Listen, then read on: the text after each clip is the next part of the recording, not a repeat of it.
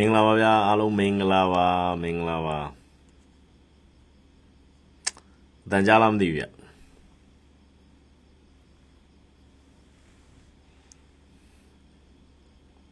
မကလာပြီ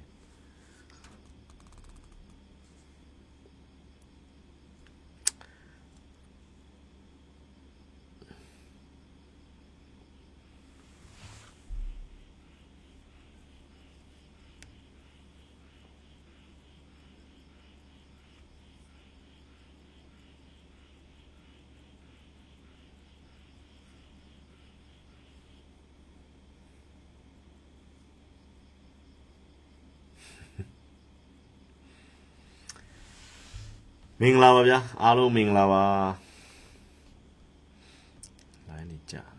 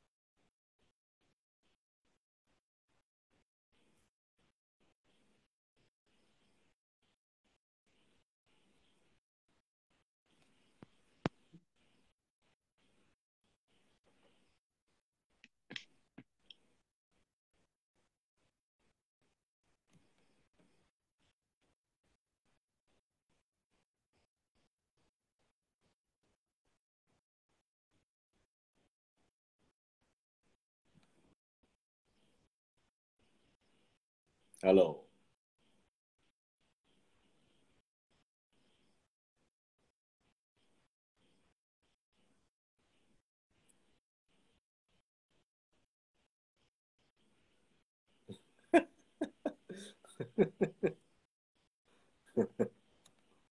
မင်္ဂလာပါဗျာအားလုံးမင်္ဂလာပါမင်္ဂလာပါကျွန်တော်ကျွန်တော်ဖားဖားတွေမွေးထားတာ ကျွန်တော်ဖားတွေမွေးထားတာကျွန်တော်တို့စတူဒီယိုပတ်လည်မှာဖားတွေကြီးပဲ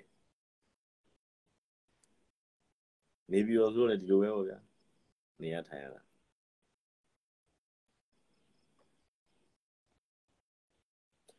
ဖားလေးတွေမွေးထားတယ်ဖားလေးတွေအဲဒါကြောင့်ဖားတန်ကြတာ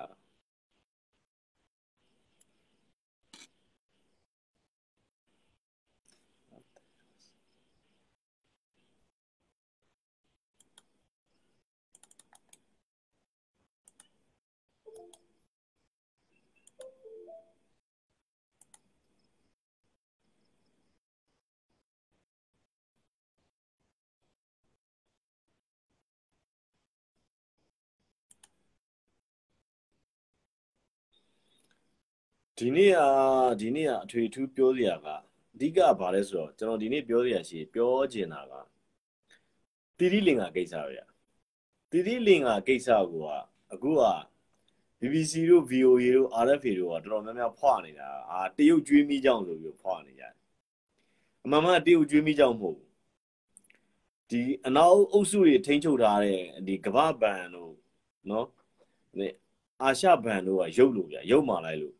သီးလင်္ကာနိုင်ငံဒီလောက်ထိဒုက္ခရောက်သွားတာ။ဘာကြောင့်လဲဆိုတော့သီးလင်္ကာနိုင်ငံကသီးလင်္ကာနိုင်ငံမှာအမေရိကန်ကစိတ်ကန်းစောက်ခွင့်တောင်းတယ်။အဲ့စိတ်ကန်းစောက်ခွင့်တောင်းတာကိုမပေးဘူးသီးလင်္ကာ။အဲ့မှန်တရားဘာလို့လဲဆိုတော့နောက်ကျတရုတ်နဲ့ကြတော့စာချုပ်ချုပ်ပြီးတော့တရုတ်နဲ့ကြတော့ပင်လယ်ရေနက်စိတ်ကန်းပေါ့နော်။တရုတ်နဲ့ကပင်လယ်ရေနက်ရေနက်စိတ်ကန်းလုပ်လိုက်တာ။အဲ့ဒါကိုအဲ့ဒီလိုအနည်းလုပ်လိုက်တာကို အမေရိကန်နဲ့အနောက်အုပ်စုနိုင်ငံတွေကတော်တော်တင်းတာသတိလင်အောင်တော်တော်တင်းပြီးတော့ပြောရလို့ရှိရင်ဒီနေ့ဒီလိုဖြစ်အောင်ဒီလိုအခြေအနေမျိုးရောက်အောင်ပစ်ထားလိုက်တဲ့သဘောပဲဗျာပြောရလို့ရှိရင်နောက်တစ်ခုကဘာဖြစ်လဲဆိုတော့ကျွန်တော်တို့အမြဲပြောတယ်လေးလာလို့ရတယ်ဗျာသတိလင်္ကာနဲ့ပတ်သက်တဲ့လေးလာတရုတ်ကတရုတ်နဲ့တကယ်ဆက်ဆံတဲ့နိုင်ငံတွေဘလုံးမတရုတ်ကအဲ့လောက်ဒုက္ခရောက်အောင်မထားဘူးအဲ့ဒါကောင်းတဲ့ထက်တရုတ်ကပြောရရင်တရုတ်ကသူလိုချင်တဲ့ပုံစံကိုသွင်းတော့သွင်းတယ်ဒါပေမဲ့တရုတ်ကမိတ်ဆွေကောင်းပြီးသားတယ် ခင်ဗျာတရုတ်ကြောင့်ဒုက္ခရောက်တဲ့တိုင်းပြည်တခုကျွန်တော်တို့လက်ညှိုးထိုးပြတရုတ်ကြောင့်ဒုက္ခရောက်သွားပါဆိုတဲ့တိုင်းပြည်တခုလက်ညှိုးထိုးပြအဲ့လိုမျိုးပေါ့နော်ဒီကျွန်တော်ပြောပြမယ်ဒီ BBC တို့ VOA တို့ဒီ RFA တို့ကခင်ဗျာပေါ်ပေါ်တင်နေဘလိုင်းကြီးကိုဒီကောင်တွေကျွန်တော်တို့မြန်မာလူမျိုးတွေကိုဟိုနေဖြစ်နေအချင်းထဲ့နေအမေရိကန်ကြောင့်ဒုက္ခရောက်တဲ့တိုင်းပြည်တွေကြီးပဲကမ္ဘာမှာအမေရိကန်ကြောင့်ဒုက္ခရောက်တဲ့တိုင်းပြည်တွေပဲရှိတယ် လက်ရှိအချိန်ဒီတရုတ်ကြောင့်ဒုက္ခရောက်သွားပါတယ်ဆိုတဲ့တိုင်းပြည်မရှိဘူးတရုတ်ကပြောရလို့ရှိရင်ဒီအချိန်မှာတရုတ်ကဒီအချိန်မှာကဘာကြီးကိုငွေတော့ပိုက်ပြီးတော့အဲ့ကဘာကြီးတွေကဘာကြီးမှာရှိတဲ့နိုင်ငံတွေကိုပြောရလို့ရှိရင်လိုက်စည်းရုံးနေတဲ့အချိန်အခုတီရီလင်္ကာကိစ္စအခုတရုတ်ကပဲကူညီမှာတရုတ်ကကူညီဖို့ကမ်းလှမ်းထားပြီတရုတ်ကကူညီဖို့ကအဲ့တရုတ်ကကူညီဖို့ကမ်းလှမ်းလိုက်တဲ့အချိန်မှာမှ World Bank ကနေပြီးတော့ အာကျွန်တော်တို့ရဲ့ဘီလီယံဟို3ဘီလီယံ3ဘီလီယံထုတ်ချီးပါမယ်ဆိုပြီးတော့အတန်ထွက်လာတာဆိုတော့ပြောရလို့ရှိရင်ဒီတရုတ်ကစိတ်ကန်းလေးစောက်ခွင့်ပေးလိုက်တာကိုအဲ့ဒီမှာဟိုနေ့နေကတခါတည်းအဲ့မှာဟိုကြံတဲ့သူတို့ရဲ့သူတို့ရဲ့ဗျာကျွန်တော်ပြောပါတယ်သူတို့ရဲ့အဲ့မှာနိုင်ငံရေးသုံးသက်တဲ့လူလိုလိုဘာလိုလိုအဲ့ကောင်တွေကခင်ဗျာအဲ့မှာအာတရုတ်ရဲ့ရည်စည်နဲ့စိတ်ကန်းလုံးလိုက်လို့သီးလင်ကဒီလိုဖြစ် ဘယ်ရတာဗျာတခြားစီကိုဗစ်ဖြစ်တဲ့အချိန်မှာကိုဗစ်ဖြစ်တဲ့အချိန်မှာအဲ့အနောက်နိုင်ငံတွေမှာရှိတဲ့ဒီခီးသွားလုပ်ငန်းတွေတော်တော်များများအကုန်လုံး withdraw ပြန်လုပ်သွားတာအဲ့ဒီမှာတီတီလင်္ကာကဘာဖြစ်လဲဆိုတော့အခွန်မဲကြံခဲ့နောက်တစ်ခုကျွန်တော်ထပ်ပြောပြမယ်ကဘာမှာရှိတဲ့ဒီပြောရရင်တော့ဗျာဒါကျွန်တော်တို့ရှိမှလည်းဟိုခရစ်ယာန်မိတ်ဆွေတွေရှိပါတယ်ဒါပေမဲ့ကျွန်တော်ကမိတ်ဆွေဒူးတယောက်ချင်းစီကိုပြောတာမဟုတ်ဘူးเนาะကျွန်တော်တို့ဒီမဟာဗျူဟာကိုကျွန်တော်ပြောပြတာပါခရစ်ယာန်နိုင်ငံတွေတော်တော်များများ ပေါ့နော်ပြောရရင်တော့အဓိကအဖြစ်တော့ခရစ်ယာန်နိုင်ငံတွေပေါ့ဒီကိစ္စခရစ်ယာန်နိုင်ငံတွေရဲ့လက်ဆောင်တာပေါ့နော်တော်တော်များများကတီတိလင်္ကာကိုနည်းနည်းတီတိလင်္ကာရေမို့ဗုဒ္ဓဘာသာနိုင်ငံတွေကိုတော်တော်လေးတက်ကက်ထားတယ်တော်တော်လေးတက်ကက်တာဘာကြောင့်လဲဆိုတော့တီတိလင်္ကာမှာရှိတဲ့ခရစ်ယာန်တွေတော်တော်များများကတီတိလင်္ကာဗုဒ္ဓဘာသာတွေကအနှိမ်နှိမ်တယ်ဆိုတဲ့သဘောမျိုးရှိတယ်တီတိလင်္ကာမှာချက်ကြောင်းတစ်ကြောင်းစောင့်မယ်ဆိုရင်တော်တော်လေး ဟိုစောင့်ရတယ်ဗောနော်တော်တော်လေးဟိုနေတင်ဖို့ဘာညာအဲ့လိုမျိုးတွေစောင့်ရတယ်ဆိုတော့အဲ့တော့ဘာဖြစ်လဲဆိုတော့ဒီခရစ်ယာန်နိုင်ငံတွေကတီတီလင်္ကာကိုဟိုအရင်တည်းကအညိုအတေးထားရတာဒါတွေကတော့ဒါတွေကပြောရရင်သတင်းဌာနတွေကထုတ်မပြောတဲ့ခုနေနေနော်ထုတ်မပြောတဲ့အကြောင်းအရာတွေမဟုတ်ကျွန်တော်တို့မြန်မာလူမျိုးမြန်မာလူမျိုးတွေသိထားဖို့လိုတာကိုပြောပြတာဒီခရစ်ယာန်အစွန်းရောက်တွေကဘလောက်အထိရုပ်မာလဲဆိုတော့အခုနော်အခုတရုတ်ကနေပြီးတော့ တီတီလင်အောင်ကူညီမယ်ဆိုတဲ့အတန်လဲထွက်လဲထွက်လာအောင်ကမ္ဘာဘဏ်ကနေပြီးတော့အာသူတို့3ဘီလီယံထုတ်ချီးပါမယ်ဆိုပြီးတော့လုပ်အောင်ဒါပေမဲ့ဒီနေ့ကဘာဖြစ်လဲသူက3ဘီလီယံထုတ်ချီးဖို့အတွက်သူကဘာလုပ်ရလဲဆိုတော့တီတီလင်ကနိုင်ငံကဒေဝါလီခံရတယ်စင်းရဲတဲ့နိုင်ငံစင်းရုံးဝင်ရတယ်စင်းရဲတဲ့နိုင်ငံစင်းရုံးဝင်လိုက်ရတယ်ဒီနေ့ကအဲ့ဒါကြောင့်မလို့တီတီလင်္ကာမှာရှိတဲ့တီတီလင်္ကာနိုင်ငံသားတွေကတမရအိမ်ကိုလိုက်လိုက်ပြီးတော့တမရအိမ်ကိုဝင်ပြီးတော့စီးတာဒါပဲ ကမ္ဘာဘဏ်ပတ်စံထုတ်ချီးမယ်အဲ့ဒါပတ်စံထုတ်ချီးဖို့အတွက်ကိုမင်းတို့စင်းရဲသားခံဒေဝါလီခံရမယ်စင်းရဲသားခံခိုင်းတာဗျာဒါရှင်းရှင်းလေးပဲဒီနေ့ဒေဝါလီခံလိုက်ရတယ်ဗောနော်တီတီလင်္ကာဒေဝါလီခံမဒေဝါလီခံမထုတ်ချီးမယ်ဆိုတဲ့အားမျိုးမဟုတ်ကျွန်တော်ပြောပြတာကျွန်တော်ကမြမအရေးပြောပြောလားမြမအရေးပြောနေတယ်ဒါပေမဲ့ဒီသီရိလင်္ကာနိုင်ငံအရေးနဲ့ပတ်သက်ပြီးတော့မြမအရေးကိုຫນွယ်ခြင်းတဲ့ကောင်တွေရှိနေလို့ကျွန်တော်ပြောပြတာနော် မြမအရေးကိုပလဲ့ပတ်ပြီးတော့ပြောခြင်းတဲ့အဓိကအဖြစ်တော့ဒီအဲ့ဟိုဘလို့ခေါ်မလဲမြမပြည်ကိုဂျင်းထဲဦးကလွဲပြီးတော့ကြံတဲ့ငကန်းတစ်လုံးမသိတဲ့အဲ့ RFA တို့ BBC တို့ VOA တို့ DBB တို့အကောင်တွေကတဖြည်းဖြည်းသူကဒါသူကအာဗမာပြည်မှာလဲသူကအဓိကတရုတ်နဲ့ပေါင်းတဲ့နိုင်ငံတွေကိုသူတို့ကကြိတ်ချင်တာဒီ RFA တို့ BBC တို့ VOA တို့ DBB တို့ဒီဒီဟာတွေကဒီဒီအတံမြင့်ဌာနတွေကနော်အဲ့တော့ကျွန်တော်တို့ကဒီအတွက်ကိုတီးလင်္ကာအတွက်ကိုကျွန်တော်တို့က အမှန်မြင်အောင်ကျွန်တော်တို့ပြောပြပြောဖို့ပြောပြရမယ်နော်ဆိုတော့အဲ့တော့ဘာဖြစ်လဲဆိုတော့အခုလက်ရှိကတီရီလင်္ကာမှာတီရီလင်္ကာကဒီနေ့ဒေဝါလီခံလိုက်တယ်ဒေဝါလီခံလိုက်တဲ့အတွက်ဘာဖြစ်လဲဆိုတော့သူ့နိုင်ငံသားတွေအကုန်လုံးကသမရနန်းတော်ဒီနေ့ဝိုင်းတယ်ဒါပေမဲ့လည်းဟိုကကမ္ဘာဘဏ်တို့ဘာလို့ရဲ့သူတို့ရဲ့ဟိုနေကတီရီလင်္ကာမှာလိုအပ်တဲ့ငွေကိုထုတ်ချီးဖို့အတွက် ဒီဝါလီခံရမယ်ဆိုတဲ့ဟာတွေပါလာတယ်အဲ့ဒါမျိုးပေါ့နော်ဆိုတော့ကျွန်တော်ပြောပြတယ်ကျွန်တော်ပြောပြကျွန်တော်တို့တိုင်းပြည်မှာနော်မှန်တယ်ကျွန်တော်တို့တိုင်းပြည်ကအဲ62ခုနှစ်မှလားမသိဘူး60နှစ်အာနာသိမ်းပြီးတော့လားမသိကျွန်တော်တို့တိုင်းပြည်အဲ့ဒီမဆလာခေတ်မှာပဲဒီဝါလီခံလိုက်တဲ့သဘောဖြစ်သွားတယ်ဗျာပြပကျွေးကျွေးမိတွေအရန်များပြီးတော့မဆက်နိုင်တော့ဒေဝါလီခံလိုက်တော့သူဒေဝါလီခံလိုက်ရင်သဘောကပါလဲဆိုတော့ ကျွေးမီးတွေကိုကျွေးတွေကိုရှော့ပေးလိုက်တယ်နော်ရှော့ပေးလိုက်ပြင်မယ်ဘာဖြစ်လဲဆိုတော့သူတို့အဲ့မှာအခွင့်အရေးတွေရှိမှာပေါ့နော်အဲ့ဒါလေးကတော့ကိုယ့်အောက်ကိုလေ့လာကြည့်ကြအောင်နိုင်ငံနိုင်ငံဒေဝါလီခံလို့ရှိရင်ဘယ်လိုမျိုးဟိုဘယ်လိုမျိုးဟိုနေပေါ့နော်ဘယ်လိုခေါ်မလဲနိုင်ငံနိုင်ငံဒေဝါလီခံရင်ဘလို့အခွင့်အရေးတွေရတယ်ဘလို့အကျိုးအမြတ်တွေရတယ်ဆိုတာအဲ့မှာခင်ဗျားတို့ဟိုနေ့မှာ Google တို့အဲ့ဒီဟိုနေ့တို့မှာ Wiki WikiLeaks တို့မှာရှာကြည့်လိုက်အဲ့မှာတော့ရှိတာပေါ့နော်ဆိုတော့အဲ့တော့အဓိကကသီးလင်္ကာရဲ့ဖြစ်သွားတဲ့ပြဿနာကဟိုပြောရရင်အနောက်အုပ်စုနိုင်ငံတွေကတရုတ်ကိုဝိုင်းရုပ်တာတရုတ်နဲ့ပေါင်းရပါမလားဆိုပြီးတော့သူတို့တွေကအဲ့လိုပေါ့နော်ဒီဒီပြောရရင်အဓိကအဖြစ်တော့အဲ့ဒီအမေရိကန်ဥဆောင်တဲ့အဖွဲ့တွေပေါ့အမေရိကန်ဥဆောင်တဲ့အဖွဲ့တွေကဝိုင်းပြီးတော့ရုပ်တာပေါ့ဗျာဒီကောင်တွေပတ်စံချီးလို့ရရတာနဲ့ပတ်စံမချီးပဲနဲ့ဝိုင်းရုပ်တော့တီးလင်ကဒီလိုဖြစ်သွားတာ စဉ်းစားကြည့်နော်တီးတီးလင်ကဟိုဟိုမှာဟိုမှာရုရှားနဲ့ဖြစ်နေတဲ့ဟာကြတော့ဟိုသွားပြီးတော့ဟိုမှာယူကရိန်းကိုကြတော့ပတ်စံတွေပုံပေးတယ်ကျွန်တော်ပြောပြအမေရိကန်လှုပ်ချက်ဘာကြောင့်လဲဆိုတော့အမေရိကန်ကသူစစ်လက်နဲ့ရောင်းမှုကြတော့သူစိတ်ဝင်စားတယ်ဒီဘက်မှာတရုတ်နဲ့ပတ်သက်တဲ့နိုင်ငံတွေဆိုဒီကောင်ကပြောရရင်ဟိုမကူညီခြင်းတဲ့သဘောပေါ့ဒါလည်းမှန်ပါတယ်မှန်ပါဆိုဘာလို့ဆိုတော့မဟာသူကိုမဟာမိတ်ပဲကိုကိုကူညီမှာပေါ့နော်ကိုနဲ့ အရင်တည်းကပေါင်းလာတဲ့လူပဲကိုကူညီမှာပေါ့ဒီလိုမျိုးပေါ့နော်ဆိုတော့အဲ့တော့တီးလင်ကကြတော့သူနဲ့ကဟိုပြောရရင်မာမိတ်မဟုတ်ဘူးလေမာမိတ်မဟုတ်တဲ့အတွက် तू ကတီးလင်ကကိုကြတော့ तू မကူညီခြင်းဘူးဒါမျိုးပေါ့နော်အဲ့တော့အဲ့အကြောင်းမို့ကျွန်တော်ပြောတာအမေရိကန်ကတိတ်ကြောက်ဖို့ကောင်းတယ်နော်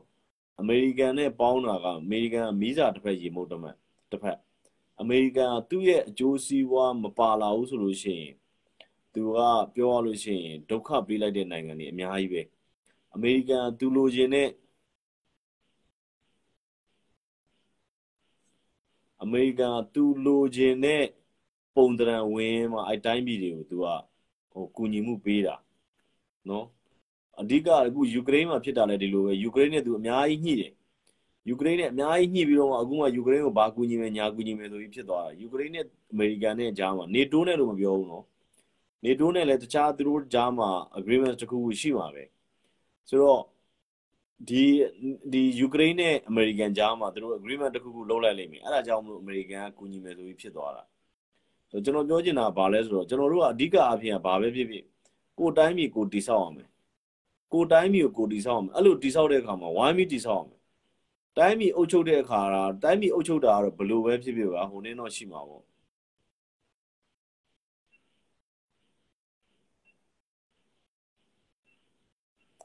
တိုင်းပြည်အုပ်ချုပ်တဲ့အခါမှာတော့ဟုတ်လားမင်းကောင်းလည်းရှိမယ်တခါကျရင်မင်းဆိုးလည်းရှိမယ်ဒါပေမဲ့ဟိုဘယ်လိုခေါ်မလဲကျွန်တော်တို့ကတယောက်နဲ့တယောက်ညှိညှိနှိုင်းနှိုင်းအုပ်ချုပ်တဲ့စနစ်တစ်ခုရှိတာတော့အကောင်းဆုံးပဲကျွန်တော်တို့အဲ့ဒါကြောင့်ပြောတာအဓိကတိုင်းပြည်တပြည်မှာကနိုင်ငံခြားသားကောင်တွေအရင်ခြေရှုပ်လာပြီဟဲ့ဆိုလို့ရှိရင်အဲ့တိုင်းပြည်ကပုံစံတနည်းနည်းနဲ့မလွတ်လပ်တော့အဓိကအပြင်ပြဿနာပါလဲဆိုတော့ဒီအနောက်အုပ်စုကောင်တွေအနောက်အုပ်စုမှာတော့အမေရိကန်အမေရိကန်ဝင်ရှုပ်လာပြီဆိုလို့ရှိရင်အဲ့တိုင်းပြည်ရဲ့နိုင်ငံရေးကမလွယ်ဘူးတရုတ်က တရုတ်ကဘလို့ငင်းငင်းချမ်းချမ်းနဲ့ဝင်လာ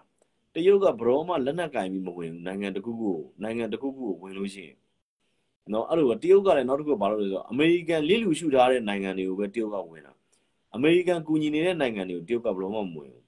ဆိုတော့အဲ့လိုမျိုးပေါ့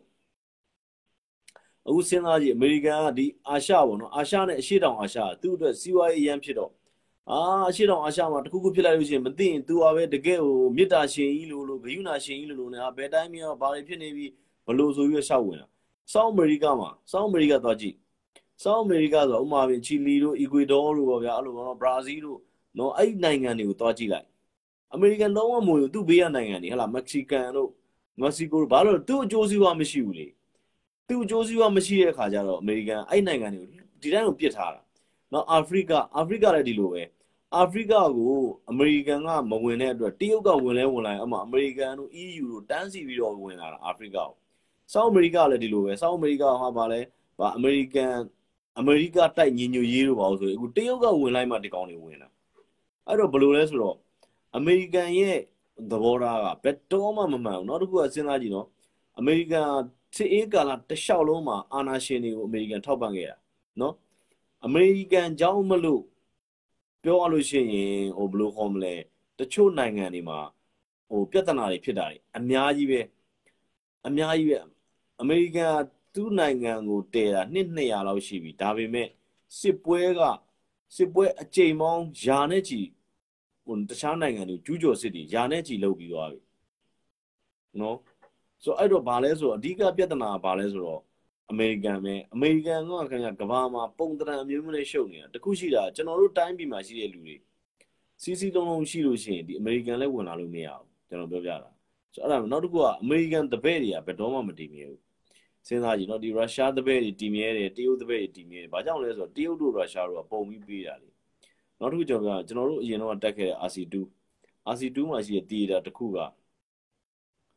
နော်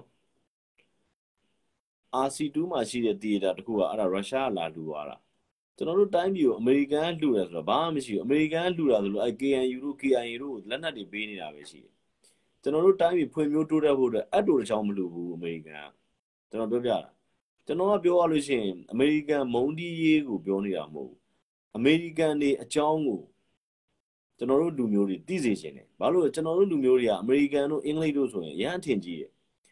တယောက်ချင်းစီကတော့အထင်ကြီးဖို့တော့ကောင်းရင်ကောင်းလိမ့်မယ်ဒါပေမဲ့သူတို့နိုင်ငံရဲ့ပုံဝါဒနဲ့ကြည့်လိုက်လို့ရှိရင်ဘယ်ကောင်းမှအထင်ကြီးဖို့မကောင်းဘူးကျွန်တော်ပြောပြကျွန်တော်အမေရိကန်တွေအကြောင်းကောင်းကောင်းသိတယ်အမေရိကန်နဲ့ကျွန်တော်တို့ဒီဥရောယူရိုမှာရှိတဲ့ចောင်းသားတွေအကုန်လုံးအမေရိကန်ကိုလုံးဝလုံးဝမကြိုက်ဘူးယူရိုမှာရှိတဲ့ចောင်းသားတော်တော်များများအမေရိကန်နယ်ချက်အရင်ရှင်ဝါဒကျွန်တော်တို့တမိုင်းတွေထဲမှာတင်ပေးရတယ်တင်ပေးတင်ခဲ့ရတဲ့နယ်ချက်အရင်ရှင်ဝါဒကအဲ့ဒါအမေရိကန်ပဲစောင်းရရက်ဆက်တဲ့ကောင်တွေအမေရိကန်ဆိုတဲ့ကောင်တွေ စဉ်းစားကြည့်ဒီကောင်တွေကအဲ့ဒါကြောင့်မလို့စစ်အင်အားကိုခိုင်ခိုင်မာမာတိဆောက်ထားတာစစ်အင်အားခိုင်ခိုင်မာမာတိဆောက်ထားပြီးတော့သူတို့ကပြောရရင်အာကဘာကြီးကိုပဲသူတို့ကူညီနေလို့ပါမဟုတ်ဘူးတကယ်တကယ်သူ့အကျိုးစီးပွားအတွက်ပဲသူလုပ်နေတာအမေရိကန်အဲ့ဒါကိုကျွန်တော်တို့မြန်မာနိုင်ငံမှာရှိတဲ့ចောင်းသူចောင်းသားတွေအကုန်လုံးသိတဲ့အဲ့ဒါမျိုးပေါ့နော်နောက်တစ်ခုကျွန်တော် EU ကျွန်တော်ယူရိုပထဲမှာဆိုလို့ရှိရင်အမေရိကန်မုန်းတဲ့နိုင်ငံတွေအများကြီးပဲကျွန်တော်တို့ဟော်လန်ဆိုလို့ရှိရင်အမေရိကန်ရမ်းမုန်းတာဟော်လန်ကို ဂျာမနီကိုလည်းမုန်းတယ်ဟာလားဒိန်းမတ်နော်ဝေးတို့လည်းမုန်းတယ်ဘာကြောင့်မုန်းတာလဲဆိုတော့အဲ့နိုင်ငံတွေကဆိုရှယ်ဒီမိုကရက်နိုင်ငံတွေဖြစ်လို့ဒီကောင်ကဆိုရှယ်လစ်ပါလာလို့ရှိရင်အမေရိကန်လုံးဝလက်မခံဒါမျိုးပေါ့နော်ခင်ဗျာကဘာလုံးကခင်ဗျာနိုင်ငံရေးလွတ်လပ်ခွင့်ပါညာပြောနေတာအမေရိကန်မှာကွန်မြူနစ်ပါတီထောင်လို့ရတာသွားကြည့်လိုက်တယ်အမေရိကန်မှာကွန်မြူနစ်ပါတီထောင်လို့မရဘူးအမေရိကန်မှာကွန်မြူနစ်ပါတီဒီနေ့သွားထောင်လို့ရှိရင်ခင်ဗျာဒီနေ့အချုပ်ထဲရောက်သွားလိမ့်မယ်အဲ့ဒါမျိုး तू ကတကဘာလုံးကိုပတ်ပြီးတော့ဟာ ဟိုကလွတ်လပ်ရမယ်ဒီကလွတ်လပ်ရမယ်ရှောက်ပြောနေတာစဉ်းစားကြည့်အများကြီးကျွန်တော်ပြောပြတာအဲအကြောင်းလို့ကျွန်တော်တို့မြန်မာလူငယ်တွေကအမေရိကန်အကြောင်းကိုကောင်းကောင်းသိနေတယ်ကျွန်တော်အဲအကြောင်းလို့ကျွန်တော်ပြောတာ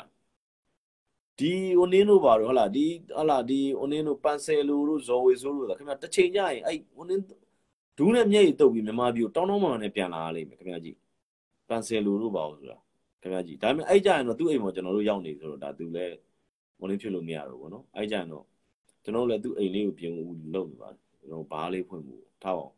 ဆိုအဲ့ဒါကြောင့်မို့ကျွန်တော်ပြောပြတာအမေရိကန်က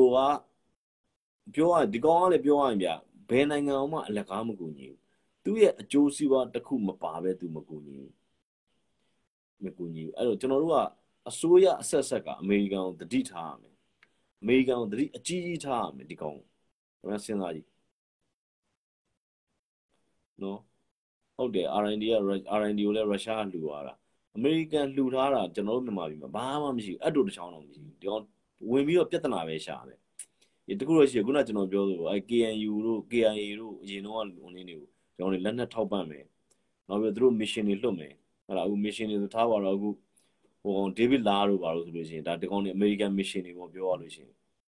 အများကြီးပဲပေါ့အဲ့တော့ကျွန်တော်ပြောချင်တာကဘာလဲကျွန်တော်တို့က ကိုတိုင်းပြည်ရဲ့အကျိုးစီးပွားကိုပဲကျွန်တော်တို့မိုင်းပြီးလုပ်ရမယ်အဲ့ဒါကဘယ်လိုလဲဆိုတော့တယောက်နဲ့တယောက်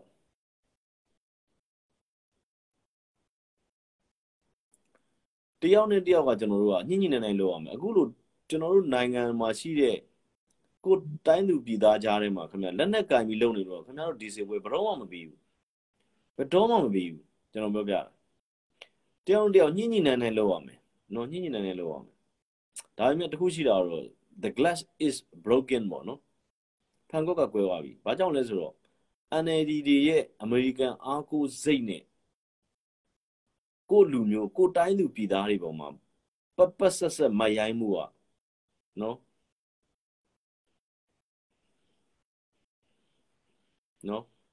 ပပဆက်ဆက်မရိုင်းမှုอ่ะတက်မလို့ကလုံးဝခင်ဗျာတီးခတ်မှာမဟုတ်တော့ဘူးတက်မလို့ကဒီတစ်ချိန်ကတော့အပက်ချမှာနော်ခင်ဗျားတို့တကယ်ပြောတာခင်ဗျာ တက်မလို့ကခင်ဗျားတို့အပက်ချအောင်ခင်ဗျားတို့လေလိုင်းပေါ်မှာပဲနိုင်နေတော့တယ်စီနော်နောက်တစ်ခုဗီဒီယိုကျုပ်တွေတော်တော်များများလုတ်ပြီးရိုက်ထားတာနော်ဒီဒီခုထားရတော့ဟလာတက်မလို့စကန်တွေကိုဘာလုပ်တယ်ညာလုပ်တယ်ဘယ်အပြစ်တယ်ညာပြစ်တယ်အဲ့ဒါတွေကအမေရိကန်နီးနေတဲ့ရတယ်အဲ့ဒါတွေအကုန်လုံးကဖန်တီးပြီးရိုက်ယူထားတာတွေဟိုမှာပြထားရတော့ဟလာဟိုအပေါ်ကနေ drone နဲ့ရိုက်ထားတယ်အောက်မှာဟာစစ်သားတွေကိုဘလို့ပစ်တယ်လို့ပေါင်းညာဆိုအဲ့ဒါတွေကလုတ်ရိုက်ထားတာလေသိတာဘာလို့ဆိုတော် တော်များများရှည်တန်းသွားတဲ့ဟိုနေ့နေကဂျန်ဂဲဟက်ဂျန်ဟိုနေ့မဘလို့ခေါ်မလဲဂျန်ဂဲဟက်ဆောင်းတာများတယ်လေဂျန်ဂဲမဆောင်းတော့ဘူးလေတော်တော်များများဂျန်ဂဲမဆောင်းတော့ဘူးကျွန်တော်ဒီဟိုနေ့ကြီးတွေ fiber ဟက်ကြီးတွေဆောင်းတာလေအမာကြီးတွေဆောင်းတာလေအဲ့ဒါကိုဂျန်ဂဲဟက်ကြီးတွေနဲ့အောက်မှာရိုက်ထားတာဘာဖြစ်လဲညာပြီလေသူတို့အဲ့မှာကျွန်တော်ပြောပါတယ်ဒီကောင်တွေအခုစစ်ကားတွေသိမ်းမိသွားတယ်နော်စစ်ကားတွေယူသွားတယ်တခါစစ်ကားတွေကိုဒါတိမ်သိမ်းလိုက်တယ်နော် သိမ်းလိုက်ပြီးတော့ပြီးတော့အဲ့မှာဒီတက်ကမိသွားတဲ့လက်နက်တွေကတခါဟိုမေးလိုက်ရင်လာနည်းနည်းမေးလိုက်တာနဲ့ဘာလုပ်လဲအဲ့ဒါကြီးတွေဓာတ်ပုံရိုက်ပြီးတော့ဘယ်ဟာဘယ်လူကတော့လာလာပြီးတော့လက်နက်ချပါတယ်လို့ဟာလာဘယ်စစ်သားကတော့ဘယ်လိုလာပြီးတော့သူတို့ရှိမှလက်နက်ချပါဆိုပြီးတော့ပောက်ကရတွေရှောက်ရိုက်တာကဒါတွေကအမေရိကန်နီးတွေအကုန်လုံးကပြောရရင် propaganda နီးတွေ propaganda လုပ်နေတာကျွန်တော်ပြောပြကျွန်တော်တို့ပြောတာကိုကျွန်တော်တို့ထားပါတော့ကျွန်တော်တို့ဒီနေပြည်တော်တို့ဘာတို့ကတော့ AAC ပေါ့နော်ဘာမှမဖြစ်ဘူးပေါ့နေပြည်တော်တို့ဟာဒီရန်ကုန်တို့က AAC ဘာမှမဖြစ်ဘူးနယ်ဒီမှာရှိတဲ့ပြည်သူတွေကကျွန်တော်ပြောရမယ်တော်တော်တနာဖို့ကောင်းတယ်ဟုတ်တယ်နယ်ဒီမှာရှိတဲ့ပြည်သူတွေကဗလိုင်းခံနေကြရတာကျွန်တော်ပြောပြဆိုအဲ့ဒါကြောင့်လို့ကျွန်တော်ပြောတာကိုလဲဟိုနေနေပဲဗျာတီးစရာရှိတာတီးပြီဗျာကျွန်တော်ပြောပြရှင်းရှင်းလေးပဲအဲ့ဒါကြောင့်ဆိုတော့ဟိုလေအဓိကကဘာလဲဆိုတော့ကျွန်တော်တို့ကခုနပြောသလို ကိုတိုင်းမျိုးကိုကာဝေဖို့အတွက်ကို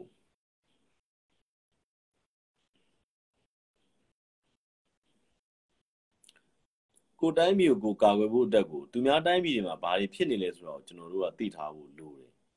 နော်အဲ့ဒါတွေသိထားဖို့လိုတယ်ဆိုတော့အခုထားတော့အခုခင်ဗျားအခုတီးလင်္ကာကိစ္စနဲ့ပတ်သက်ပြီးကျွန်တော်တို့မြန်မာလူမျိုးတွေအမှန်မသိဘူးတီးလင်္ကာပိဿနဲ့ပတ်သက်ပြီးမှန်မှန်ကန်ကန်မသိကြဘူး ဒီဟိုနေ့နေရဒီအခုလက်ရှိဟလာ BBC BO တွေ RFA ဟလာဗာမြစည်းမတို့ DVB တို့ဒီကောင်တွေပြောတာတော့ပဲသိကြတာဒါကပြောရရင်အမေရိကန်နဲ့အနောက်အုပ်စုတွေရုံမှလိုက်လို့တီးလင်္ကာဒီလောက်ထိဒုက္ခရောက်သွားတာအစောကြီးတွေကပြောလို့ရတယ်ဗျာအစောကြီးတွေဟလာသူရှိမှဗျာဓာတ်စီတို့ဘာလို့သူရှိမှလောင်သာစီတို့အစားအသောက်တို့သုံးလေးလသာကြံလောက်သေးကိုဟာလာမင်းဒေဝါလီခံလိုက်မင်းဒေဝါလီခံလိုက်လို့ရှိရင်ငါတို့ပတ်စံထုတ်ကြည့်မယ်ဆိုပြီးလုပ်လို့ရတယ်ဒါပေမဲ့လုံးဝတပြားမှမချီးတဲ့အပြင်ကိုသူတို့ရဲ့ ရင်းနှီးထားတဲ့ပတ်စံတွေအကုန်လုံးထုတ်သွားရင်းရင်းနှီးထားတာအဓိကအဖြစ်တော့ဟိုနေမော်ဗျာဘာခေါ်မလဲခီးသွားလုပ်ငန်းပေါ့သီးလင်ကခီးသွားလုပ်ငန်းနဲ့ရက်တည်တာเนาะသီးလင်ကကျွန်းနိုင်ငံလीတခြားထုတ်ကုန်တွေလည်းသူ့ရှိမှသိမရှိဘူးတခြားထုတ်ကုန်ကတီးပေါ့နော်စီလွန်တီးလားစီလွန်တီးကသီးလင်ကထုတ်တာဒါပေမဲ့ဒီအချိန်မှာဗျာဒီစီလွန်တီးလဲဘလူးဝယ်တောက်နိုင်ပါလေဘလူးဝယ်တောက်တော့ဝယ်တော့မှာလေကျွန်တော်ပြောပြဆိုအဲ့လိုမျိုးပေါ့ အဲ့တော့ဟိုအဓိကအဖြစ်ဒီအင်္ဂလန်တို့ဘာတို့ပို့နေရတာဗျာနောက်ပြီးဆောက်အမေရိကဘက်ကိုပို့ရတယ်ဗျာနောက်တစ်ခုအခုကကဘာမာကတီးတောက်တဲ့လူကတနေ့တနေ့နည်းနည်းလာတယ်ကော်ဖီတောက်တဲ့လူကပုံပုံများလာတယ်ဒါကျွန်တော်အမြဲပြောပါတယ်ဒါဥရောပရဲ့အတွေးခေါ်နဲ့ပြောရမယ်ဆိုဥရောပမှာကော်ဖီတောက်တယ်ဆိုတာပြင်သစ်ကိုထောက်ခံတာတီးတောက်တဲ့လူဆိုတာပြောရရင်တအူးဆာမိုင်ဘယင်စနစ်ကိုထောက်ခံတာ ပြည်သစ်ဒေါ်လာကိုထောက်ခံတဲ့ចောင်းသားတွေတော်တော်များများကျွန်တော်တို့ဒီမှာဟာလာဒီ RD လောက်တဲ့တပတ်လိုမျိုးဟာရယ်နောက်ပြီးတော့ကျွန်တော်တို့ဒီဟိုနေ့ကော်ဖီတောက်တယ်နော် RD ရဲ့ဗာလေပေါ်ဝါပေါ့နော်ပေါ်ဝါချုံတယ်နောက်ပြီးတော့ကျွန်တော်တို့ကော်ဖီတောက်တယ်ကော်ဖီတိုင်းထိုင်နေဆိုတော့ကျွန်တော်ပြောပြရတယ်ကော်ဖီတိုင်းထိုင်နေဆိုရင်အလေးကျင့်ရအဲ့ဒါပဲလို့ကျွန်တော်အမြဲပြောပြရတယ်အဓိကအပြင်ကျွန်တော်ပြောချင်တာပါလဲဆိုတော့ကျွန်တော်တို့မြန်မာပြည်မှာရှိတဲ့လူငယ်ចောင်းသားတွေလေကိုယ့်ရဲ့အတွေးခေါ်လေးတွေပေါ့နော်အတွေးခေါ်လေးတွေကိုပြင်မှုတင်တယ် ပြင်မှုတင်နေတာဘာကြောင့်လဲဆိုတော့ကျွန်တော်တို့တိုင်းပြည်မှာရှိတဲ့လူငယ်တွေကအဲအမေရိကန်အားကျစိတ်နဲ့နိုင်ငံရေးလုပ်နေတာတော်တော်ဆိုးတယ်ဗျအအမေရိကန်အားကြစိမ့်တဲ့နိုင်ငံရေးလုပ်နေတော့ဘာဖြစ်လဲဆိုတော့ဟိုဟို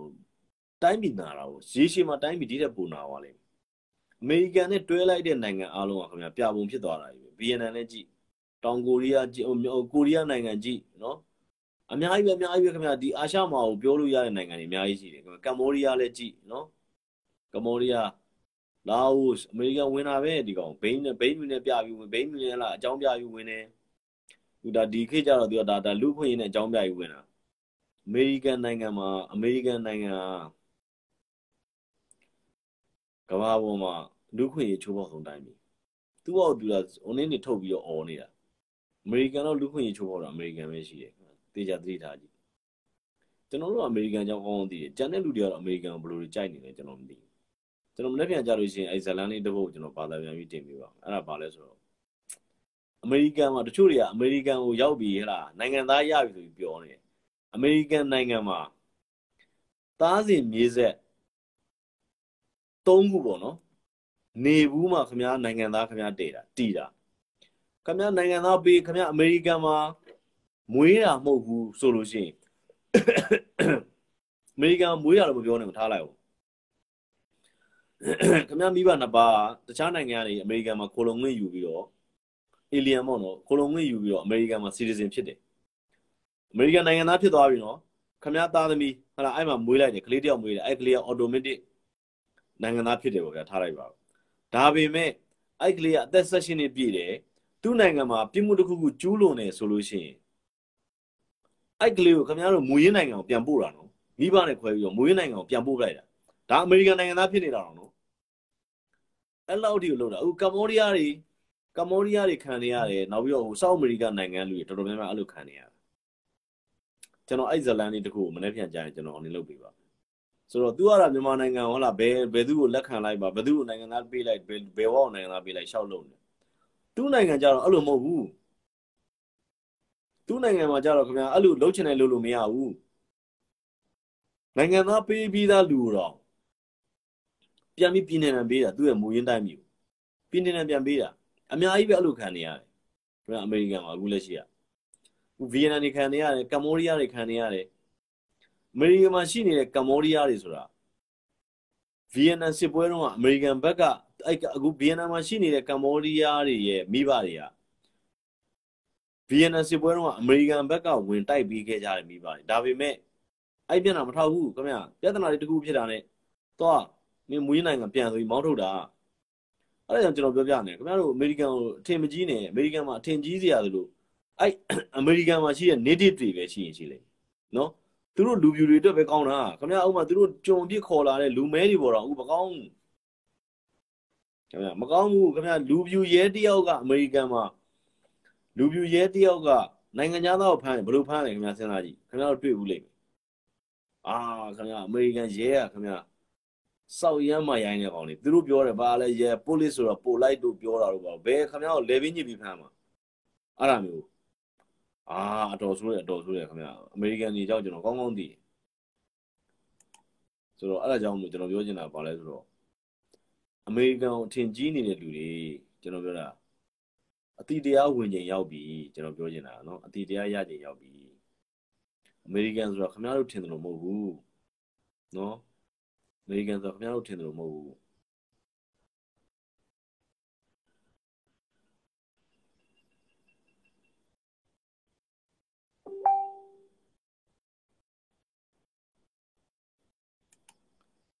အဲအကြောင်းမို့ကျွန်တော်တို့ကကျွန်တော်တို့သိတာလေးတွေပေါ့နော်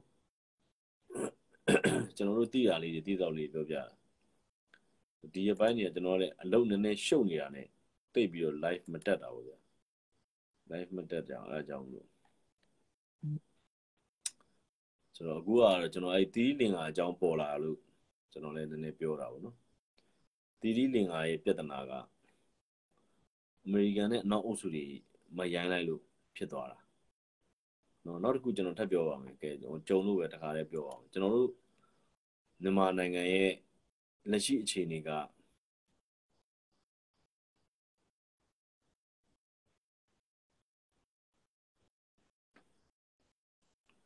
မြန်မာနိုင်ငံရဲ့လက်ရှိအခြေအနေကပြောရရင်တဖြည်းဖြည်းနဲ့တည်ငြိမ်အေးချမ်းတဲ့ဘက်ကိုပို့ပြီးရောက်လာတယ်နော်အဲ့တော့ကျွန်တော်မနေ့ကကျွန်တော်ပြောပါတယ်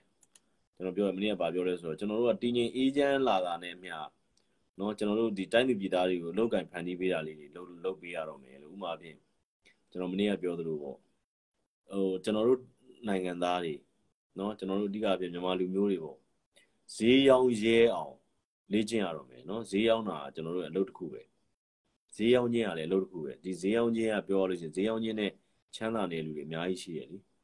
ဈေးရောင်းတတ်အောင်ကျွန်တော်တို့မြန်မာမြန်မာနိုင်ငံသားတွေလေ့ကျင့်ရတော့မယ် ဈေးရောင်းနေဆိုတာလည်းပြောရရင်တော့ဗျာကျွန်တော်တို့ကဟိုဘယ်လိုခေါ်မလဲသူများနိုင်ငံပစ္စည်းတွေဝယ်ရောင်းထားတဲ့စာရင်ကိုယ်တိုင်းပြည်ထဲမှာရှိတဲ့ပစ္စည်းတွေရှိပါတယ်ဟဲ့လားကိုယ်တိုင်းပြည်ထဲမှာထွက်ကုန်ကိုယ်တိုင်းပြည်တွေကထွက်ကုန်တွေကိုကုန်ကြောပြန်လုပ်ပြီးရောင်းတာပေါ့ဗျာဥပမာအပြင်ထားပါတော့ကျွန်တော်တို့အစားအသောက်တွေဟဲ့လားထုံချိုင်းပါလဲထုံချိုင်းအကင်တို့ဘာလို့ဆိုရင်ခင်ဗျာတရုတ်တို့ဟဲ့လားထိုင်းတို့ဝင်လာတာတွေကျွန်တော်တို့ကလေးတွေကလည်းရောင်းနေကြတယ်ဒါတွေကတကယ်တော့ကောင်းတဲ့အစားအသောက်တွေမဟုတ်ဘူးအဲ့ဒါလေးကိုသိတင်တယ် ဆိုတော့အဓိကအဖြစ်ကဘာလဲဆိုတော့ကျွန်တော်တို့ကအဲ့ကိုတိုင်းပြည်ထဲမှာရှိတဲ့အစားအသောက်ကောင်းကောင်းတွေရှိပါဗျာကျွန်တော်တို့ငယ်ငယ်တုန်းကဆိုဟလာပြောင်းမှုပြုတ်ရောင်းတာတို့စသည်အဖြစ်ပေါ့နော်ဒါတွေကပြောရရင်ဒီကလေးတွေအတွက်ပို့ပြီးတော့အာဟာရဖြစ်တာပေါ့နော်ကိုကလေးတွေအတွက်ပို့ပြီးတော့အာဟာရဖြစ်တဲ့အစားအသောက်တွေရောင်းနေတယ်ဟို food food security အတွက်ပေါ့နော်ဆိုအဲ့တော့အဲ့ဒါကြောင့်မလို့ကျွန်တော်တို့ကဘာလဲဆိုတော့နောက်တစ်ခုကဘာလဲဆိုတော့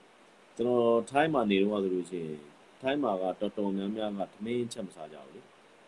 သမင်းချက်မစားကြဘူးအဲ့ထိုင်းပေါ်မှာထိုင်းမှာအဲ့ဟိုလမ်းဘေးရောင်းတဲ့ဆိုင်လေးတွေမှာဟုတ်လားဘတ်450ဆိုလို့ရှိရင်ကျွန်တော်တို့သမင်းတစ်နက်ကောင်းကောင်းစားလို့ရတယ်အဲ့လိုမျိုးပေါ့အဲ့လိုကျွန်တော်တို့ဒီပွင့်လင်းရာတွေရောက်လာတဲ့ခါကြလို့ရှိရင်အဲ့လိုရောင်းနေဝယ်တဲ့အလုပ်လေးတွေလုပ်တတ်အောင်ကျွန်တော်တို့ကအစိုးရရဲ့အနေနဲ့အဲ့ဒါလေးတွေဖန်တီးပေးသင့်တယ်ပေါ့နော်ဖန်တီးပေးသင့်ဆိုတော့လူငယ်ဟိုဘယ်လိုပဲဖြစ်ဖြစ် ဒီလိုဈေးရောင်းတာလည်းဘယ်လိုခေါ်မလဲ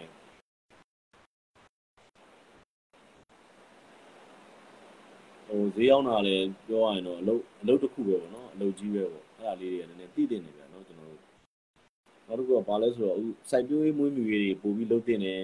နော်ကျွန်တော်တို့မြန်မာနိုင်ငံမှာစိုက်ပျိုးရေးမွေးမြူရေးတွေ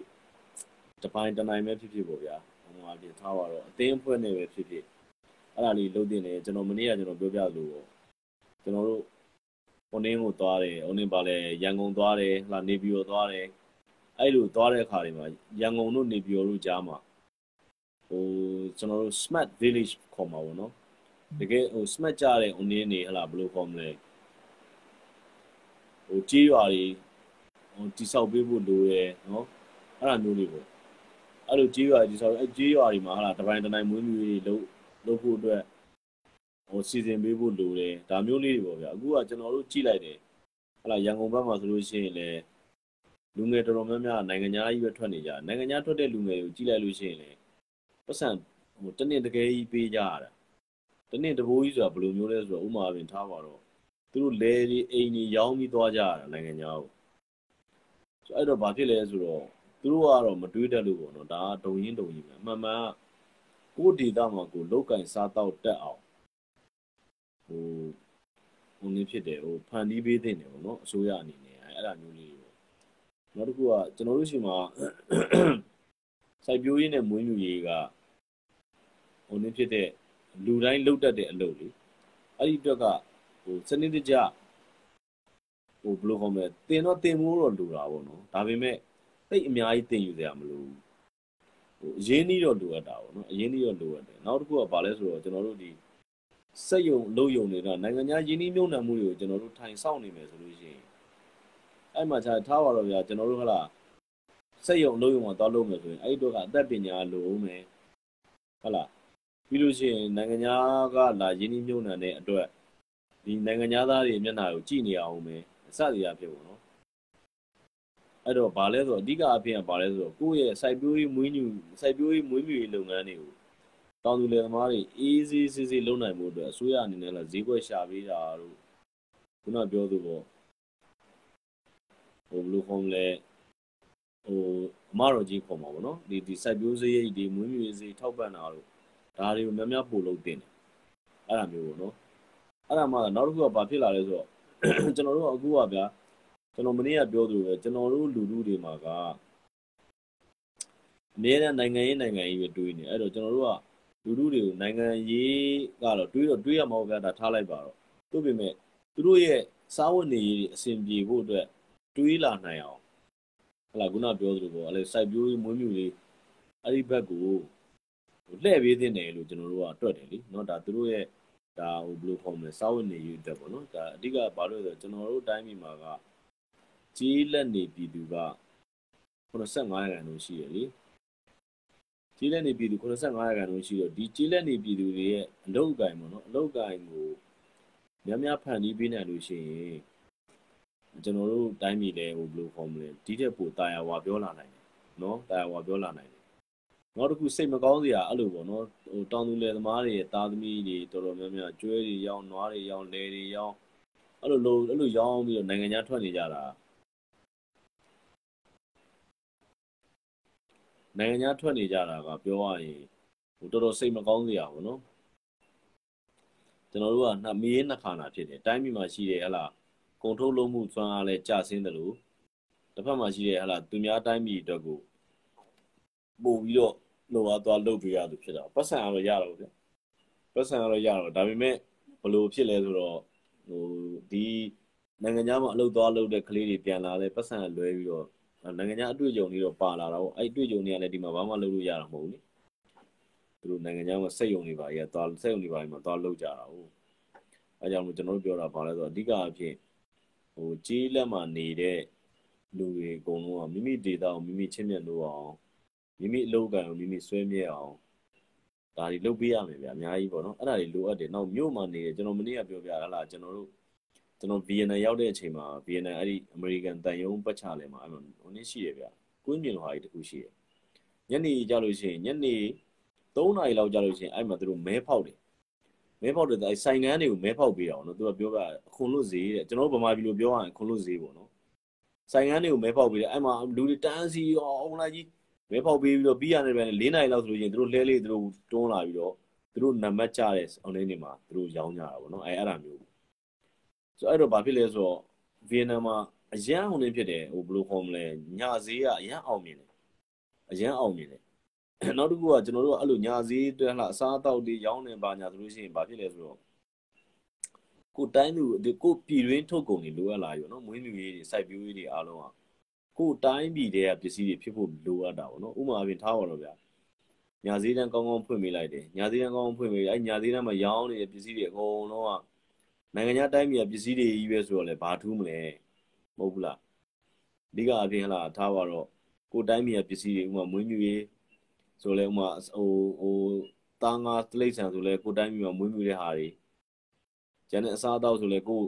မြန်မာအစားအသောက်တွေဒီလိုရောင်းဝယ်လုပ်နိုင်နော်ပိုကောင်းတာပေါ့ဥမာအဖြစ်ကျွန်တော်တို့ထိုင်းမှာဆိုလို့ရှိရင်အဲ့မှာဈေးတစ်ဈေးရှိတယ်ဗျအဲ့ဈေးကတစ်ဈေးလုံးကထိုင်းရိုးရအစားအစာတွေပဲရတယ် ထိုင်းနိုင်ငံမှာရှိတဲ့ဒေတာဘောင်းဆောင်ကအယိုးရအစားအသောက်တွေပဲရောင်းနေစီအဲ့ဈေးကလည်းအဲ့လိုပဲခွန်လွန်ဈေးပုံစံမျိုးပဲကျွန်တော်တို့ထိုင်းရိုးရအစားအသောက်တွေစားကြည့်လို့ရှိရင်အဲ့ဈေးကိုသွားလိုက်လို့ရှိရင်အကုန်ရတယ်အဲ့မှာအကုန်လုံးထိုင်းထိုင်းရိုးရအစားအသောက်အကုန်ခင်ဗျမမြင်ဘူးလားကျွန်တော်တို့အဲ့မှာလေးဘာဖော်မလဲဟိုနင်းလိုမုတ်အုံးနောက်လိုဟာမျိုးလေးကျွန်တော်တို့ဟိုနင်းရှိရပါလဲကျွန်တော်အရင်ကြိုက်တယ်အဲ့မှာထိုင်းမှာနေမှာဆိုမုတ်အုံးနောက်လိုဟာမျိုးလေးငပြောဘက်လေးနဲ့ထုတ်ထားတာဗျာတေးသေးလေးတတောက်လေးရှိမယ်တေးသေးလေး အဲ့ဒါလေးအထင်းမှာမုံဝုန်းတော့လိုဟာမျိုးလေးငပြောပတ်လေးနဲ့ထုတ်ထားတာအဲ့ဒါဟိုကျွန်တော်တငုံသာပဲရှိတာပေါ့နော်အဲ့အဲ့ဒါမျိုးအဲ့ဒါ၅ခုကို၅ခုကိုဘတ်20လား10ဖက်လားမသိဘူးပေးရတယ်မနက်မိုးလင်းကျွန်တော်အဲ့ဒါစားတယ်ထိုင်းမှာနေမှာဆိုကြက်ကြော်ကြက်ကင်စားတယ်နော်ကြက်ကင်ကြက်ကင်ရဲ့ကောင်းချင်းမောင်းရဲ့ကြက်ကင်ကောင်းချင်းမောင်းရဲ့အဲ့ဟိုနေ့ကတော့အဲ့အဲ့ကျွန်တော်တို့မအိုးနောက်လိုဟာမျိုးအဲ့ဒါစားတယ်ထိုင်းစားတာအဲ့အဲ့ဒါဟိုနေ့ဖြစ်လို့ကောင်းလို့ကောင်းလို့နော်နောက်တစ်ခုညဘက်ဆိုလို့ရှိရင်အဲ့မှာကျွန်တော်တို့ working ရှိတယ်အဲ့ကျွန်တော်နေရနေရပါကျွန်တော်အဲ့တော့စီးလုံနာမှာနေရစီးလုံနာမှာနေရတယ်ကျွန်တော်ဟုတ်တယ်စီးလုံနာမှာနေရအဲ့နာမှာဈေးဈေးရှိတယ်သူကစီးလုံဟိုနေ့ကိုကျွန်တော်ဈေးကိုသူကတလာလို့ခေါ်တယ်တလာလို့ခေါ်တယ်အဲ့အဲ့မှာတလာတစ်ခုရှိတယ်အဲ့ဒီမှာညဘက်ဆိုလဲအထိုင်းမှာအစားတော့ရမ်းပေါ်တယ်ရမ်းပေါ်တယ်ဆိုတော့တော်တော်များများကသူ့တိုင်းပြည်ကထွက်တာလေသူ့တိုင်းပြည်ကထွက်တာလေကျွန်တော်အဲ့ဒါကြောင့်ဘာဖြစ်လဲဆိုတော့ကျွန်တော်တို့ရှိမှာဟို လာမယ်ပွန်လင်းရသည်ရောက်လာတော့မယ်ပွန်လင်းရသည်ရောက်လာလို့ရှိရင်ကျွန်တော်တို့တိုင်းသူပြည်သားတွေအဲ့လိုပေါ့နော်ခုနပြောဆိုအဲ့လိုညာဈေးတန်းလေးတွေများများဖန်တီးပေးတဲ့ညာဈေးတန်းလေးတွေများများဖန်တီးပေးတဲ့အဲ့ညာဈေးတန်းလေးတွေဖန်တီးပြီးတော့ဟလာဒါဘလို့ပဲဖြစ်ဖြစ်ဟလားကျွန်တော်တို့ရန်ကုန်မှာဟိုထိုင်းမှာဆိုလို့ရှိရင်သူတို့ဇုံတွေရှိရလေဇုံတွေတော့ဥမာအပြင်အဲစီးလုံရှိမယ်နော်နောက်ပြီးတော့ထားပါတော့ဗျာကျွန်တော်အဲ့ဒါတော့တိတ်အများကြီးမသိဘူးအဲ့လိုစီးအဲ့လိုဇုံလေးတွေရှိတယ်ဇုံလေးတွေလမ်းဇုံအဲ့လိုဇုံလေးတွေရှိဥမာကျွန်တော်တို့နေရာလို့ ဆိုဥမာစီးလုံရှိမယ်အဲနောက်ပြီးတော့တခြားနေရာတွေရှိသေးရဗျာထားပါတော့အဲ့ကျွန်တော်တို့လိုမျိုးဆိုရင်ထားပါတော့မြင်းဒီကုန်းရှိမယ်ဟာလားလှဲရန်ရှိမယ်အာကျွန်တော်တို့ဗဟန်းရှိမယ်ထားပါတော့ဟိုနေရှိမယ်ဟာလားဟိုဟိုဟိုမင်္ဂလာတုံရှိမယ်ဟောမြောက်ဥက္ကလာရှိမယ်အဲ့လိုအဲ့လိုကျွန်တော်တို့လူရမ်းစီကားတဲ့နေရာလေးတွေမှာဟိုညနေဈေးလေးတွေပေါ့နော်အဲ့လိုညဈေးတန်းလေးတွေညနေဈေးလေးတွေ ဒီပူလင်းရတီကြောင့်ဖန်တီးပေးနိုင်အရန်ကောင်းပါအဲ့လိုအဲ့လိုဖန်တီးတဲ့ခါမှာလည်းဟာလားဟိုကျွန်တော်တို့ဘယ်လိုခေါ်မလဲဟိုစီးစနစ်တကြနေပေါ့နော်ခုနပြောဗီယက်နမ်မှာကျွန်တော်တွေ့တယ်လို့မျိုးဗီယက်နမ်မှာဆိုလို့ရှိရင်အဲ့လိုပေါ့သူကညနေ2နာရီ3နာရီလောက်ကြာမဲလာနှိုက်ရတယ်ကိုယ်ဆိုင်နေရဘယ်နေရာလဲဆိုတာသိအောင်နော်ဘာလို့လဲဆိုတော့ဗီယက်နမ်မှာကသူတို့ကျွန်တော်မေးကြည့်တာကအဲ့မှာဟိုနေ့လောက်တယ်ပါလဲနိုင်ငံတော်ကဟောတန်ရှင်းလုပ်ပြီးတယ်မနေ့က live တွေမှာပြောပြီးသားကြီး မနေ့က live ကပြုတ်ကြသွားလို့မနေ့က live ကပြုတ်ကြသွားလို့ကျွန်တော်ပြန်ပြောနေတာဟုတ်တယ်ဆိုတော့အဲ့လိုမျိုးလေးတွေပေါ့အဲ့တော့ဘာဖြစ်လဲဆိုတော့အဓိကအဖြစ်ကကျွန်တော်တို့ကျွန်တော်ကပြောရရင်ဗျာဒီလက်ရှိဒီပြဿနာကြီးအကြောင်းသိမပြောချင်တော့ပြဿနာကြီးအကြောင်းမှာဘာဖြစ်လဲဆိုတော့ဟိုသိနေပြီလေဗျာဟုတ်လားတစ်ဖက်မှာရှိတဲ့ဒီ NUG တို့ PDF တို့အကုန်လုံးက ဘာမှလှုပ်လို့မရတော့ဘာမှလည်းလှုပ်လို့မရတော့လူလိုက်တက်တဲ့အလုပ်ပဲလုပ်နေတာလူလိုက်တက်လိုက်အဲ့မှာအုပ်စုလိုက်အဲ့လားလမ်းပေါ်တက်ပြီးတော့မီးတုပ်ကြီးတွေကင်ပြီးဆန္ဒပြလိုက်ဒါတွေပဲလုပ်နေပြီးရင်အလူတွေရှောက်ခံလိုက်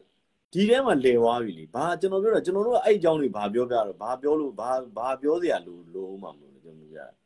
အဲ့တော့ကျွန်တော်တို့ဒီမှာရှိတယ်ဟလားတိုင်းပြည်ထဲမှာရှိတဲ့လူတွေဒီပွင့်လင်းရသည်ရောက်လာရင်ဘလို့လောက်ကင်စားတော့ကြမယ်ဒါတွေပဲကျွန်တော်တို့ကကျွန်တော်တို့သိတဲ့အတွေ့အကြုံတွေဒါတွေပဲပြောရတော့မှာပေါ့ နောက်ပြီးတော့နောက်တစ်ခုရှိတာပါလဲအခုဟိုနေ့လုံနေတာတွေရှိတယ်ပါလဲဟလာတချို့ဟိုကဏ္ဍကောသားတိုက်နေတဲ့အုပ်စုတွေရှိတယ်အဓိကအပြင်တော့ထားပါတော့အနုပညာလောကမှာရှိမယ်တခြားလောကတွေမှာရှိမယ်ဆိုအဲ့လူတွေအကုန်လုံးကလည်းကျွန်တော်ပြောတာဒီအချိန်မှာဟိုပြောရလို့ရှိရင်တိုင်းပြည်အရေးကိုဝိုင်းဝန်းလှုပ်ဆောင်နေပြီဘာမဟုတ်တဲ့အဲ့ရောဘလို့ခေါ်မလဲနိုင်ငံရေးအစင်ကြီးခေါင်းထဲဝင်ပြီးတော့စိတ်ကောက်တယ်လို့စိတ်ဆိုးတယ်လို့စိတ်နာတယ်လို့လုပ်နေဒီတိုင်းပြည်ကလည်းသူတို့နေနေတဲ့တိုင်းပြည်ပဲလी အဲ့ဒီတိုင်းပြည်မှာဒုက္ခတွေရောက်လာရင်ဒီဒုက္ခတွေကသူတို့ရှိလေရောက်လာမှာပဲအဲ့တော့ဘလို့ပဲဖြစ်ဖြစ်စိတ်ဆိုးတယ်လို့စိတ်ကောက်တယ်လို့စိတ်နာတယ်လို့လုပ်နေမယ်အစားတိုင်းရေးပြည်ရာတွေကိုဝင်လို့ချင်လဲလုပ်ပေါ့ဝင်မလို့ချင်တော့လည်းမလုပ်နဲ့ဘေးထိုင်နေလိုက်ပေါ့ကျွန်တော်ပြောတာဘာမှဟုတ်လားဟိုဗဇက်ကတိတိတူလုပ်နေနေတော့ကျွန်တော်ပြောပြဘာလို့ဆိုတော့တိုင်းပြည်ကလည်းဟိုပြောရလို့ရှိရင်ဟိုးအရင်တည်းကဒီလိုဟိုင်းဖြစ်နေတာတိုင်းပြည်ကလည်းအတော်နာလာပြီအားလုံးသိတဲ့အတိုင်းဆို အဲ့တော့ဒီအချိန်မှာအားလုံးဝိုင်းလုံးရမယ့်အချိန်ဖြစ်နေကျွန်တော်ဒီနေ့ live ပေါ်ကောက်တဲ့ကျွန်တော်သတင်းတစ်ခုကြည့်နေနေသီးလင်္ကာသတင်းကိုတွားတွေ့လို့ပါကျန်တဲ့ကျွန်တော်ဒီမှာဟို live တက်ပြောဖို့အစီအစဉ်မရှိပါဘူးဒီနေ့ကအဓိကအပြင်တီတီလင်ကအမေရိကန်နဲ့အနောက်အုပ်စုရဲ့ရုံမှမှုအောင်ဒီလောက်အထိ collapse ဖြစ်သွားတာနော် fail state ဖြစ်သွားတာဒါပါပဲအဲ့ဒါကိုကျွန်တော်တို့ဒီ BBC တို့ VOA တို့ RFA တို့ကဟိုတဖြည်းဖြည်းနဲ့နှစ်ကြောင်းလေးတွေပေးတာပဲနှစ်ကြောင်းလေးပေးရတာမြန်မာပြည်ပဲဒီလိုဖြစ်မလားပါလားသူတို့တွေဒါမျိုးတွေပေးနေတာပါမှန်မှန်ပါလို့ဆိုမြန်မာပြည်က မြန်မာပြည်လက်ရှိဟိုအိမ်ဆောင်အစိုးရနဲ့တရုတ်နဲ့ကအရန်ဟိုပေးယူတဲ့လေတရုတ်ကလည်းပြောရလို့ရှိရင်သူကလည်းပြောရင်ကျွန်တော်မြန်မာပြည်ကိုကူညီခြင်းတယ်ဒါပေမဲ့မြန်မာပြည်မှာရှိတဲ့လူတွေအကုန်လုံးကနိုင်ငံရေးပယောဂတွေဝင်နေတော့တရုတ်ကလည်းကူညီခြင်းတော့ကူညီလို့မရဘူးဖြစ်နေတယ်အမေရိကန်ကတော့သိတဲ့အတိုင်းပဲသူ့ရဲ့မူဝါဒကိုဟိုနေမလို့ရင်သူလာဘာလုံးမှကူညီမှာမဟုတ်အမေရိကန်ရဲ့သဘောကတော့ဒီကောင်လူတွေကိုလက်မခံဘူးကူညီမှာမဟုတ်အမေရိကန်ကတော့သူ့ရဲ့ selfish ပဲအဲဒါမျိုးတွေပေါ့ အဲ့တော့ကျွန်တော်ပြောချင်တာဒီနေ့ကကျွန်တော် live ပြောဖို့အစီအစဉ်မရှိပါဘူးကျွန်တော် live ပြောဖို့အတွက်ကိုကျွန်တော်တို့ကပြောရရင်ဗဇလေးရှိရာတွေလက်တန်းမပြောဘူးကျွန်တော် never အချက်လက်လေးရှားတာလေးရှိတယ်ဗျလူလက်တိုင်းပြောတဲ့ခါကျတော့ကျွန်တော်လည်းဘာမှမဟုတ်လေကုန်တယ်အချိန်နားထောင်တဲ့လူလည်းအချိန်ကုန်တယ်နော်အဲ့ဒါကြောင့်မလို့ဟိုကျွန်တော် live ပြောမယ်ဆိုကျွန်တော်ကြိုပြီးရေးပြီးတော့ပြောပါမယ်နော်အဓိကအပြင်တီးလင်္ကာကိစ္စကိုပြောချင်လို့ကျွန်တော်တက်လာတာပါကျန်တာဝင်ကျန်တဲ့ဟာတော့ဗျာခင်ဗျာ PDF တွေ GV ကတ်တွေ အန်ယူဂျီတွေဘာတွေညာတွေလျှောက်ကောင်းနေတယ်ဒီကောင်တွေကပြောရရင်တဖြည်းဖြည်းနဲ့တိမ်မြုပ်ပြောက်ွယ်သွားမယ်အခုလည်းတော်တော်များများတော်တော်ပြောက်ွယ်နေသူတို့ထဲမှာရှိတဲ့ PDF ထဲမှာရှိတဲ့လူတွေကိုနိုင်ကိုကအကုန်လုံးလက်နဲ့ချနေကြတယ်နဲတော်မို့လက်နဲ့ချတာပြောရင်စကိုင်းတကြောဆိုလည်းပြောရရင်တော်တော်များများတချို့နေရာတော်တော်ငြိမ်နေပြီစကိုင်းတကြောငြိမ်ငြိမ်မကြည့်နဲ့လေခင်ဗျာဟိုမှာကျွန်တော်တို့ဟိုဟိုဘယ်လိုခေါ်မလဲဟိုနောင်တော်လေးတို့ပါတော့စကိုင်းဘက်ကိုသွားလို့ရနေပြီစဉ်းစားကြည့်ပါဗျကိုကငြိမ်လားမငြိမ်လားအကုန်လုံးကဒီ Facebook ပေါ်မှာတော့ဘွက်တွေထားနေကြတယ် ဒီကပန်ဆယ်လိုတို့ပါလို့ဆိုတော့နောက်ကြလို့ရှိရင်သူတို့သိရင်တော့ကျွန်တော်တို့အဲ Facebook လေးကိုဟိုနင်းလေးဟိုနင်းလုပ်ပြီးတော့ဘယ်လိုခေါ်မလဲဒစိလေးရိုက်ပြီးထည့်ပြီးအောင်သူသူတို့ကဒီ Facebook နဲ့ပဲသူတို့ကကြီးွားလာတယ်ဆိုတော့ဒီ Facebook ပဲတနေ့တနေ့ဒီ Facebook ပေါ်ကပဲဟိုကပြောလိုက်တရားပဲပြီးလို့ရှိရင်အဲ့မှာအာဟိုလူခံထားတဲ့ပတ်စံလေးနဲ့စားကြတောက်ကြဒါမျိုးပဲလုပ်နေကြတယ်ကျွန်တော်မြန်မာလူမျိုးတွေဒီလောက်တောင်မပါနိုင်ကြသေးဘူးလားဒီလောက်တောင်သဘောမပေါက်ကြသေးဘူးလားလို့အဲ့လိုပဲကျွန်တော်ပြောရင်းနေဒီလောက်တောင်ဒီလောက်ဒီလောက်ဖြစ်နေအောင်ကြောချတာတောင်ဓမြမှမသိရင်များဘ လို့သွားလုပ်ကြမှာဟုတ်တယ်မလားဆိုတော့အဲ့တော့ကျွန်တော်ပြောခုနပြောချင်တယ်ခုနပြောဆိုပေါ့နော်ကျွန်တော်တို့အဓိကကျွန်တော်တို့တိုင်းပြည်ပြန်လည်ထူထောင်ရမယ်ပြန်လည်ထူထောင်တဲ့နေရာမှာအားလုံးပါဝင်ရမယ်နော်ဟုတ်တယ်တီးလင်ကဓမ္မရအိမ်ကိုပြည်သူတွေတက်သိမ်းတာမဟုတ်ပြောရတော့တီးလင်ကကချေးငွေရဖို့အတွက်ပြပချေးငွေရဖို့အတွက်သူကဘာလုပ်လဲဆိုတော့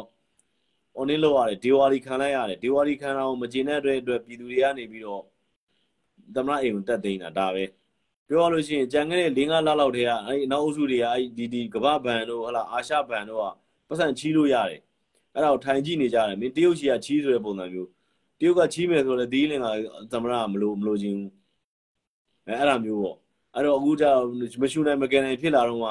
တရုတ်ကငါချီးပါမယ်လို့ပြောတဲ့အချိန်မှာကြောက်မှာ အဲ့ကမ္ဘာဘဏ်တို့ပါပါအေးငါတို့လည်းချီးပါမယ်3ဘီလီယံချီးမယ်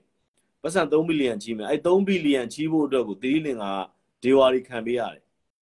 ဒေဝါရီခံလိုက်တဲ့ဒေဝါရီစင်းရဲသားပွဲယူလိုက်ရပါဗျာစင်းရဲသားခံလိုက်ရတာပေါ့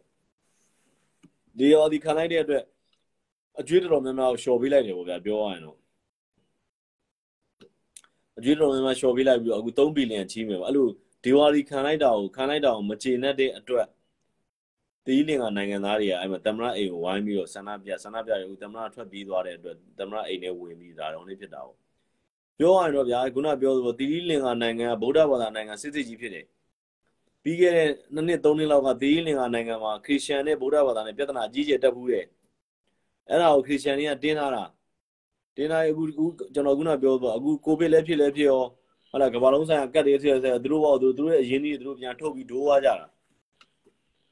ဒိုးသွားကြတော့အဲ့မှာဘာဖြစ်လဲဆိုတော့တီးလင်ကအခွန်မဲကြံခဲ့အခုလိုပြဿနာကြီးဖြစ်တာဗျာဒါပဲပြဿနာကတော့တရုတ်ကကူညီမယ်လို့အစောကြီးကပြောတယ်ဒီလင်ကောင်ဒီလင်ကဆိုရအာဘာလို့ပါဘာဖြစ်ပါလဲညာဖြစ်ပါလဲဆိုပြီးတော့ကြောပါသေးဖင်ရလိုက်တာဖင်ရတော့အခုနောက်အုပ်စုကပဲကူညီမလို့လို့ဘာလို့လဲနောက်အုပ်စုကလည်းအခုသူ့ကိုမကူညီနိုင်ဘူးအခုဘယ်ချိန်မှမကူညီလဲဆိုသူ့ကိုမင်းဒေဝါလီခံမှကူညီမယ်ဆိုဒေဝါလီခံလိုက်ရတာပေါ့ဗျာဒီလင်ကဒါပါပဲ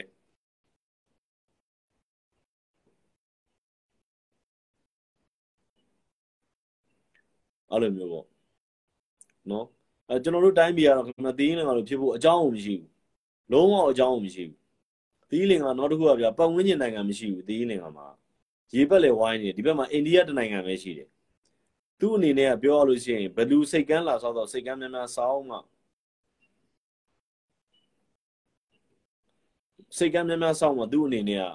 ဟိုနည်းဖြစ်မှာလေသူစီးပွားရေးအဆင်ပြေမှာလေဘာကြောင့်လဲဆိုတော့ရေပက်လေဝိုင်းနေတဲ့နိုင်ငံ ဤပညာလည်းမရှိဘူးเนาะထွက်ကုန်ကလည်းကြီးကြီးမားမားရှိရမို့သီးလင်ကထွက်တာခုနပြောသလိုလက်ဖက်ထွက်မယ်ဆေလွန်ဆေလွန်တီးခေါ်တော့ဆေလွန်တီးထွက်မယ်ကျန်တဲ့အုံသီးရနဲ့ပတ်သက်တာထွက်မယ်နောက်ပြီးတော့အဲ့ဒီဟိုနေ့နဲ့အဓိကအပြင်တော့ပါလဲဆိုတော့ခီးသောလုပ်ငန်းနဲ့စားနေတဲ့အတိုင်းအခြေခံမကောင်းတဲ့အတိုင်းပြီပေါ့နော်အခြေခံအလောက်မကောင်းကျွန်တော်တို့တိုင်းပြည်ကတော့ကောင်းတယ်မထင်သီးလင်ကတော့လည်းဖြစ်เสียအကြောင်းမရှိဘူးဘယ်နိုင်ငံလုံးမှဖြစ်เสียအကြောင်းမရှိကျွန်တော်တို့တိုင်းပြည်ကအလုံးသိရတဲ့အတိုင်းပဲဟိုပတ်ဝန်းကျင်နိုင်ငံတွေလည်းအများကြီးရှိတယ် ပတ်ဝန်းကျင်နိုင်ငံအများဆုံးတိုင်းပြည်လို့တော့ပြောလို့ရကျွန်တော်တို့တိုင်းပြည်ကနော်တရုတ်ရှိတယ်အိန္ဒိယရှိတယ်ဘင်္ဂလားဒေ့ရှ်ရှိတယ်ဟာထိုင်းရှိတယ်လာအိုရှိတယ်အများကြီးရှိတယ်နော်အဲကျွန်တော်တို့တိုင်းပြည်ဖြစ်เสียအကြောင်းမရှိဘူးအဲ့လိုမျိုးပေါ့ဒီလင်ကတော့ခုနပြောသလိုပတ်ဝန်းကျင်နိုင်ငံတွေမရှိတဲ့အခါကျတော့ဒီလိုဖြစ်သွားတယ်လို့ပဲကျွန်တော်ဒီလိုသုံးသပ်ပါတယ်ဆိုတော့အဲ့ဒါလေးပါကျွန်တော်ဒီလင်ကအကြောင်းပြောဖို့တက်လာတာပါနော်အားလုံးကျေးဇူးဗျာနော် good night ဗျာကျွန်တော် ဒီမှာနည်းနည်းလေးအလုပ်လေးတစ်ခုလုပ်ဆရာရှိသေးလို့ကျေးဇူးပါ